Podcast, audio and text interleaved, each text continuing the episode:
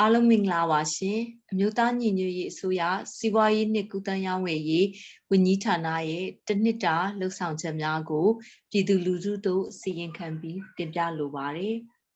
အမျိုးသားညီညွတ်ရေးအစိုးရ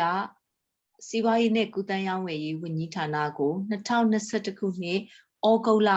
26ရက်နေ့မှာစတင်ပြီးတော့ဖွဲ့စည်းခဲ့ပါတယ်ဝန်ကြီးဌာနကိုဖွဲ့စည်းပြီးချိန်ကနေစပြီး ဝန်ကြီးဌာနရဲ့မျှော်လင့်ချက်မျှော်မှန်းချက်အဓိကတာဝန်များချမှတ်ခြင်းစီမံခန့်ခွဲမှုနှင့်အုပ်ချုပ်မှုပုံစံများဖော်ထုတ်ခြင်းဦးစီးဌာနများဖွဲ့စည်းခြင်းလုပ်ငန်းတာဝန်များရေးဆွဲခြင်းစတာတွေကိုစတင်ပြီးပြုလုပ်ခဲ့ကြပါတယ်။ဝန်ကြီးဌာနရဲ့မျှော်မှန်းချက်ကတော့ Federal ပြည်အောင်စု၏စီးပွားရေးဘက်ဆောင်ဖွံ့ဖြိုးတိုးတက်ရေးနှင့်လူမျိုးပေါင်းစုံလူထုလူဒန်းစားအသီးသီးတို့၏စီးပွားရေးအခွင့်အရေးများ တာတူညီမျှရရှိခံစားခွင့်ရှိရေးတို့အတွက်ဆောင်ရွက်ရန်ဖြစ်ပါတယ်။ဝန်ကြီးဌာနရဲ့ရည်မှန်းချက်တွေကတော့ Federal ပြည်အောင်စုရဲ့စီးပွားရေးဖွံ့ဖြိုးတိုးတက်မှုနဲ့ကုန်သွယ်မှုဝန်းကျင်တိုးတက်ကောင်းမွန်ရေးဈေးကွက်စီးပွားရေးစနစ်နဲ့အညီကုန်သွယ်မှုလုပ်ငန်းများအဆင်ပြေချောမွေ့စေရန်ဆောင်ရွက်ရေးပုဂ္ဂလိကအခမ်းကဏ္ဍဖွံ့ဖြိုးတိုးတက်စေရန်ဆောင်ရွက်ရေးစီးပွားရေးလွတ်လပ်ခွင့်မြင့်တင်ဆောင်ရွက်ရေး ဒေသတွင်းနဲ့နိုင်ငံတကာအဖွဲ့အစည်းများနဲ့ပူးပေါင်းဆောင်ရွက်ပြီးဈေးကွက်ချဲ့ထွင်ရေးစတာတွေပဲဖြစ်ပါတယ်။စီးပွားရေးနဲ့ကုသရေးဝယ်ရေးဝန်ကြီးဌာနအနေနဲ့မဟာဗျူဟာလုပ်ငန်းစဉ်9ရပ်ကိုချမှတ်အကောင့်ထဲပေါ်နေတဲ့အခါမှာအာမဟာဗျူဟာလုပ်ငန်းစဉ်1အနေနဲ့စစ်ကောင်စီရဲ့ငွေရလမ်းများကိုဖျက်တောက်ပိတ်ဆို့ရေးနဲ့စစ်ကောင်စီရဲ့စီးပွားရေးလုပ်ငန်းများကို soft power နဲ့တိုက်ခိုက်ခြင်းနိုင်ငံတကာထောက်ခံမှုရယူခြင်းစတာတွေကိုဆောင်ရွက်နေပါတယ်။ မဟာဗျူဟာလုပ်ငန်းစဉ်နှစ်ကိုအကောင့်ထဲပေါ်တဲ့အနေနဲ့တော်လှန်ရေးရန်ပုံငွေများရှာဖွေခြင်းအလောက်ကင်ခွင့်လန်းနဲ့ဝင်ငွေတိုးပွားရေးဆောင်ရွက်ခြင်းကိစ္စရပ်များကိုဆောင်ရွက်နေပါတယ်။မဟာဗျူဟာလုပ်ငန်းစဉ်၃အနေနဲ့စီးပွားရေးဆိုင်ရာလူစွမ်းအရင်းအမြစ်တိဆောက်ခြင်းကိုလှုပ်ဆောင်ရရှိပါတယ်။မဟာဗျူဟာလုပ်ငန်းစဉ်၄အနေနဲ့အနာဂတ်ဖက်ဒရယ်ပြည်အောင်စုရဲ့စီးပွားရေးနဲ့ကုသရေးဝယ်ရေးမူဝါဒမူချမ်းများပြုစုခြင်းကိုအကောင့်ထဲပေါ်ဆောင်ရွက်လျက်ရှိပါတယ်။ မဟာဗျူဟာနံပါတ်5အနေနဲ့ဂျားကာလာပြည်သူ့အုပ်ချုပ်ရေးဖော်ဆောင်ရမှာမြို့သားညီညွတ်ရေးအစိုးရနဲ့တိုင်းရင်းသားလက်နက်ကိုင်အဖွဲ့အစည်းများကစိုးမိုးထားသောနေမြေများမှာစီးပွားရေးလုပ်ငန်းများဆောင်ရွက်ခြင်းနေဆက်ကုန်သွယ်ရေးဆောင်ရွက်ခြင်းကိစ္စရပ်များတွေအတွက်ပြင်ဆင်ဆောင်ရွက်လျက်ရှိပါတယ်။မြို့သားညီညွတ်ရေးအစိုးရရဲ့စီးပွားရေးနဲ့ကုသရေးဝန်ကြီးဝန်ကြီးဌာနမှာဝန်ကြီးရုံးထားရှိပြီးစီမံအုပ်ချုပ်ရေးကိစ္စရပ်တွေ ဗဏ္ဍာရေးဆိုင်ရာကိစ္စရပ်များစာဖြစ်တဲ့ဘတ်ဂျက်ရေးဆွဲခြင်းအသုံးစရိတ်များခွဲဝေသုံးစွဲခြင်းငွေစည်ရင်းရှင်းတန်းရေးဆွဲခြင်းစတာတွေကိုဆောင်ရွက်နေပါတယ်။ဝန်ထမ်းရေးရာကိစ္စရပ်တွေ IT နဲ့နည်းပညာကိစ္စရပ်တွေ CDN ရေးရာကိစ္စရပ်များတွေကိုလည်းဆောင်ရွက်နေပါတယ်။စီးပွားရေးရာဦးစီးဌာနအနေနဲ့စီးပွားရေးဆိုင်ရာထောက်လှမ်းရေးညွှန်ကြားရေးမှူးရုံးထားရှိပြီးစစ်အာဏာရှင်စနစ်ရဲ့ စီးပွားရေးထောက်တိုင်များကိုစုံစမ်းဖော်ထုတ်ခြင်းအများပြည်သူသိရှိစေရန်ဖွင့်ချခြင်းနဲ့ထောက်တိုင်များကိုနိုင်ငံတကာဥပဒေများအရအရေးယူဆောင်ရွက်နိုင်ရန်ပြင်ဆင်ခြင်းစတာတွေကိုဆောင်ရွက်လျက်ရှိပါတယ်။မူပိုင်ခွင့်ဌာနခွဲကနေတဆင့်မူပိုင်ခွင့်ဆိုင်ရာမူဝါဒမူကြမ်းများရေးဆွဲခြင်းနဲ့နိုင်ငံတကာလှုပ်ထုံးလုပ်နည်းများနဲ့ကန့်ညီတဲ့လှုပ်ထုံးလုပ်နည်းတွေကိုရေးဆွဲခြင်းစတာတွေကိုဆောင်ရွက်လျက်ရှိပါတယ်။ သုတေသနနဲ့မူဝါဒရေးရာဌာနခွဲအနေနဲ့လေစီးပွားရေးဆိုင်ရာအခြေအနေတွေကိုသတင်းအချက်လက်စုဆောင်းခြင်း economic relief plan ရေးဆွဲခြင်းနဲ့စီးပွားရေးဆိုင်ရာမူဝါဒမူကြမ်းများရေးဆွဲခြင်းစတာတွေကိုပြုလုပ်နေပါတယ်။ကုံသွယ်ရေးဦးစီးဌာနအနေနဲ့တော့ကုံသွယ်မှုမြန်ဆန်ချောမွေ့ရေးဌာနခွဲနဲ့ပို့ကုန်ဌာနခွဲတွေထားရှိပြီးနေဆက်ကုံသွယ်ရေးမူဝါဒများရေးသားတာပို့ကုန်သွင်းကုန်မူဝါဒများပြန်လည်သုံးသပ်တာ လှုပ်ဆောင်နေပါတယ် export industrialization strategy ရေးဆွဲတာ agriculture trade အားကောင်းစေရန်ဆောင်ရွက်ခြင်းတွေကိုလည်းလှုပ်ဆောင်နေပါတယ်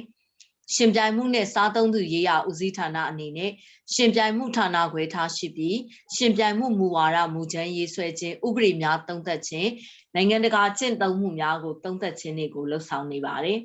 စားသုံးသူရေးရာဌာနခွဲအနေနဲ့လေစားသုံးသူတွေရဲ့အသံတွေကိုနားထောင်တာစားသုံးသူကာကွယ်ရေးဥပဒေများပြန်လည်သုံးသပ်ခြင်းနဲ့စားသုံးသူကာကွယ်ရေးမူကြမ်းရေးဆွဲခြင်းတို့ကိုလှုပ်ဆောင်ရရှိပါတယ် နိုင်ငံတကာညှိနှိုင်းဆောင်ရွက်ရေးဦးစီးဌာနရဲ့အဓိကတာဝန်တွေအနေနဲ့ကမ္ဘာစီးပွားရေးကုန်သွယ်ရေးအဖွဲ့အစည်းများနဲ့ဆက်ဆက်ချိတ်ဆက်ဆောင်ရွက်ခြင်းအာရှပစိဖိတ်နဲ့အာဆီယံစီးပွားရေးကိစ္စရပ်များဆက်သွယ်ချိတ်ဆက်ဆောင်ရွက်ခြင်းကုန်သွယ်ရေးနှင့်စက်မှုလုပ်ငန်းရှင်အသင်းဖွဲ့များနဲ့ချိတ်ဆက်ဆောင်ရွက်ခြင်း commercial diplomacy အကောင့်ထဲပေါ်ဆောင်ရွက်ခြင်းနိုင်ငံတကာညီလာခံများတက်ရောက်ခြင်းစတာတွေကိုဆောင်ရွက်လျက်ရှိပါတယ်။ စီးပွားကူးသန်းဝန်ကြီးဌာနအနေနဲ့စီးပွားရေးနဲ့ကူးသန်းရောင်းဝယ်ရေးဆိုင်ရာ Institute မြန်မာ Institute of Commerce ကိုကိုတည်ထောင်ထားရှိပြီးအဓိကလုပ်ငန်းတာဝန်များအနေနဲ့စီးပွားရေးနဲ့ကူးသန်းရောင်းဝယ်ရေးဆိုင်ရာသင်တန်းများပေးခြင်းတိုင်းပြည်ရဲ့ကုန်သွယ်ရေးကိုအထောက်အကူပြုတဲ့လူစွမ်းအရင်းမြစ်တည်ဆောက်ခြင်းစတာတွေကိုလည်းလှုပ်ဆောင်နေပါတယ်အသေးစားနဲ့အလက်စားစီးပွားရေးလုပ်ငန်းများဖွံ့ဖြိုးတိုးတက်ရေးဗဟိုဌာနကိုထားရှိပြီးအသေးစားအလက်စားနဲ့စီးပွားရေးလုပ်ငန်းများတွေမှတ်ပုံတင်ခြင်း နီးပညာနဲ့ဗဏ္ဍာရေးအကူအညီပံ့ပိုးပေးဖို့ထောက်ပံ့မှုတွေရရှိရေးအတွက်တွေကိုလည်းဆောင်ရွက်လျက်ရှိပါတယ်။မူဝါဒမူချမ်းများကိုရေးဆွဲရမှာမူပိုင်ခွင့်မူဝါဒသိပ္ပံနည်းပညာနဲ့တည်ထွင်စမ်းသစ်မှုမူဝါဒပို့ကုန်မြင့်တင်ရေးမူဝါဒများပို့ကုန်ဆိုင်ရာမဟာဗျူဟာပို့ကုန်ဦးတည်သောစက်မှုလုပ်ငန်းများဖွံ့ဖြိုးရေးမဟာဗျူဟာအရေးသွေးထိန်းချုပ်ရေးစနစ်များနေဆက်ဖြတ်ကျော်ကုန်သွယ်ရေးမူဝါဒ digital ကုန်သွယ်ရေးမူဝါဒ အားလုံးအကျုံးဝင်သောစီးပွားရေးမူဝါဒပုဂ္ဂလိကဖွံ့ဖြိုးတိုးတက်ရေးမူပေါင်းရှင်ပြိုင်မှုမူဝါဒစားသုံးသူကာကွယ်ဆောင်ရှောက်ရေးမူဝါဒနိုင်ငံပိုင်စီးပွားရေးလုပ်ငန်းများဆိုင်ရာမူဝါဒအသေးစားအလက်စားစီးပွားရေးလုပ်ငန်းများဆိုင်ရာမူဝါဒမူကြမ်းများတွေကိုလည်းရေးဆွဲထားရှိပါတယ်။မြို့သားညီညွတ်ရေးအစိုးရယာယီသမရကြီးဦးဆောင်တဲ့ဗန္နာရေးကော်မရှင် ပြည်အောင်စုဝန်ကြီးချုပ်ဦးဆောင်သောစီးပွားရေးရာပေါင်းဆက်ညှိနှိုင်းကော်မတီအလောက်ကင်ဖန်တီးရေးနဲ့ဝင်ငွေတိုးပွားရေးဆိုင်ရာကော်မတီ CDN Success Committee NUCC Coordination Committee များမှလည်းပါဝင်ဆောင်ရွက်လျက်ရှိပါတယ်။ NUCC Coordination Committee ရဲ့တာဝန်ပေးချက်အရ JCC strategy မှာ NUG ကိုယ်စားလှယ်အနေနဲ့ဝင်ရောက်ဆောင်ရွက်တာ NUCC NUG ညှိနှိုင်းပေါင်းဆက်ကော်မတီများမှာပါဝင်ဆောင်ရွက်ခြင်းပြည်သူညီလာခံကို NUG ကိုယ်စားလှယ်အဖြစ်ပါဝင်တက်ရောက်ခြင်းစတာတွေကိုလည်းလှုပ်ဆောင်ခဲ့ပါတယ်။နိုင်ငံတကာနဲ့ညှိနှိုင်းဆောင်ရွက်ဆောင်ရွက်တဲ့အနေနဲ့စီးပွားရေးနဲ့ကုသရေးဝယ်ရေးဝန်ကြီးဌာနအနေနဲ့နိုင်ငံတကာအဖွဲ့အစည်းများတန်ယုံများနဲ့တွေ့ဆုံပြီးမြမအရေးအခြေအနေများဝန်ကြီးဌာနလှုပ်ဆောင်ချက်များဤပညာနှင့်ငွေကြေးပံ့ပိုးကူညီမှုရရှိနိုင်သောအခြေအနေများကိုဆွေးနွေးခဲ့ပါတယ်။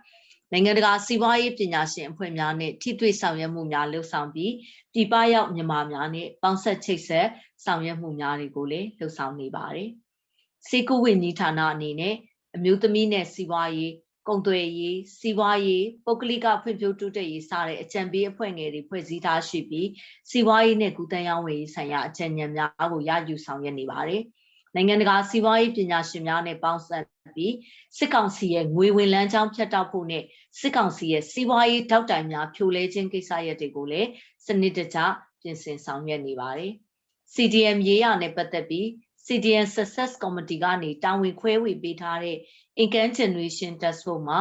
ဥဆောင်ဝန်ကြီးဌာနအဖြစ်ပါဝင်ဆောင်ရွက်ပြီး CDM များရဲ့ရုပ်ပိုင်းဆိုင်ရာစိတ်ပိုင်းဆိုင်ရာလိုအပ်ချက်တွေကို ထိရောက်ကျေပြန့်စွာထောက်ပံ့ကူညီနိုင်ဖို့အတွက်ဆောင်ရွက်နေပါတယ်။ CDN နေဖန်တီးထားတဲ့အမှုပညာပစ္စည်းတွေထုတ်ကုန်တွေတိုင်းသားများရဲ့ရိုးရာအဝတ်ထည်တွေဒေသအတွက်နဲ့တိုင်းသားရိုးရာအစားအစာတွေကိုရောင်းချဖို့အတွက် e-commerce platform တည်ထောင်ရေး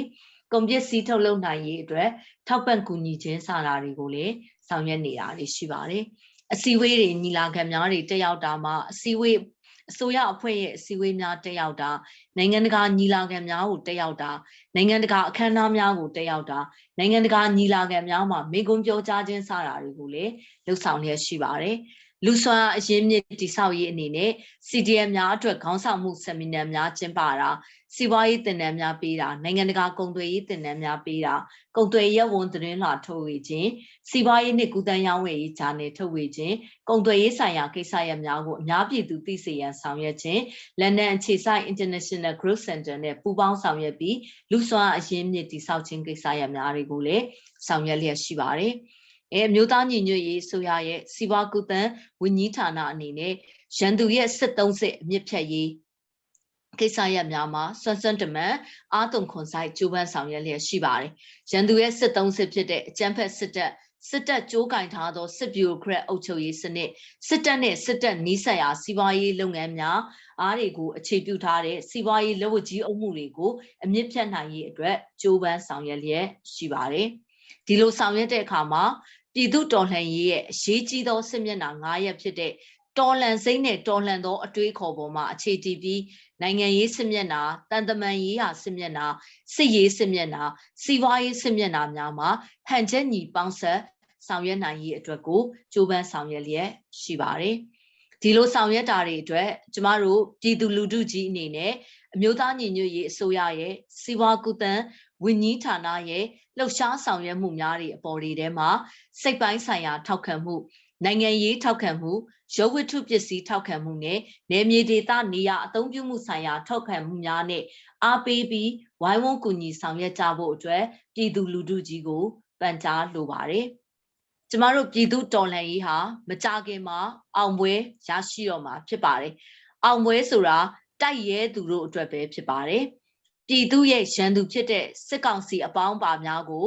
ဟိုအားလုံးရဲ့စုပေါင်းအင်အားနဲ့ကြောက်ရွံ့တုန်လှုပ်စေပြီး ရန်သူကိုဖြိုဖျက်ပြီးပြည်သူတော်လှန်ရေးအောင်ပွဲအလံတော်ကို အမြင့်မားဆုံးလွှင့်ထူကြပါစို့အရေးတော်ဘုံမုတ်ချအောင်ရမည်အရေးတော်ဘုံအောင်နေပြီအရေးတော်ဘုံအောင်ကိုအောင်ရမည်အားလုံးကိုကျေးဇူးတင်ပါတယ်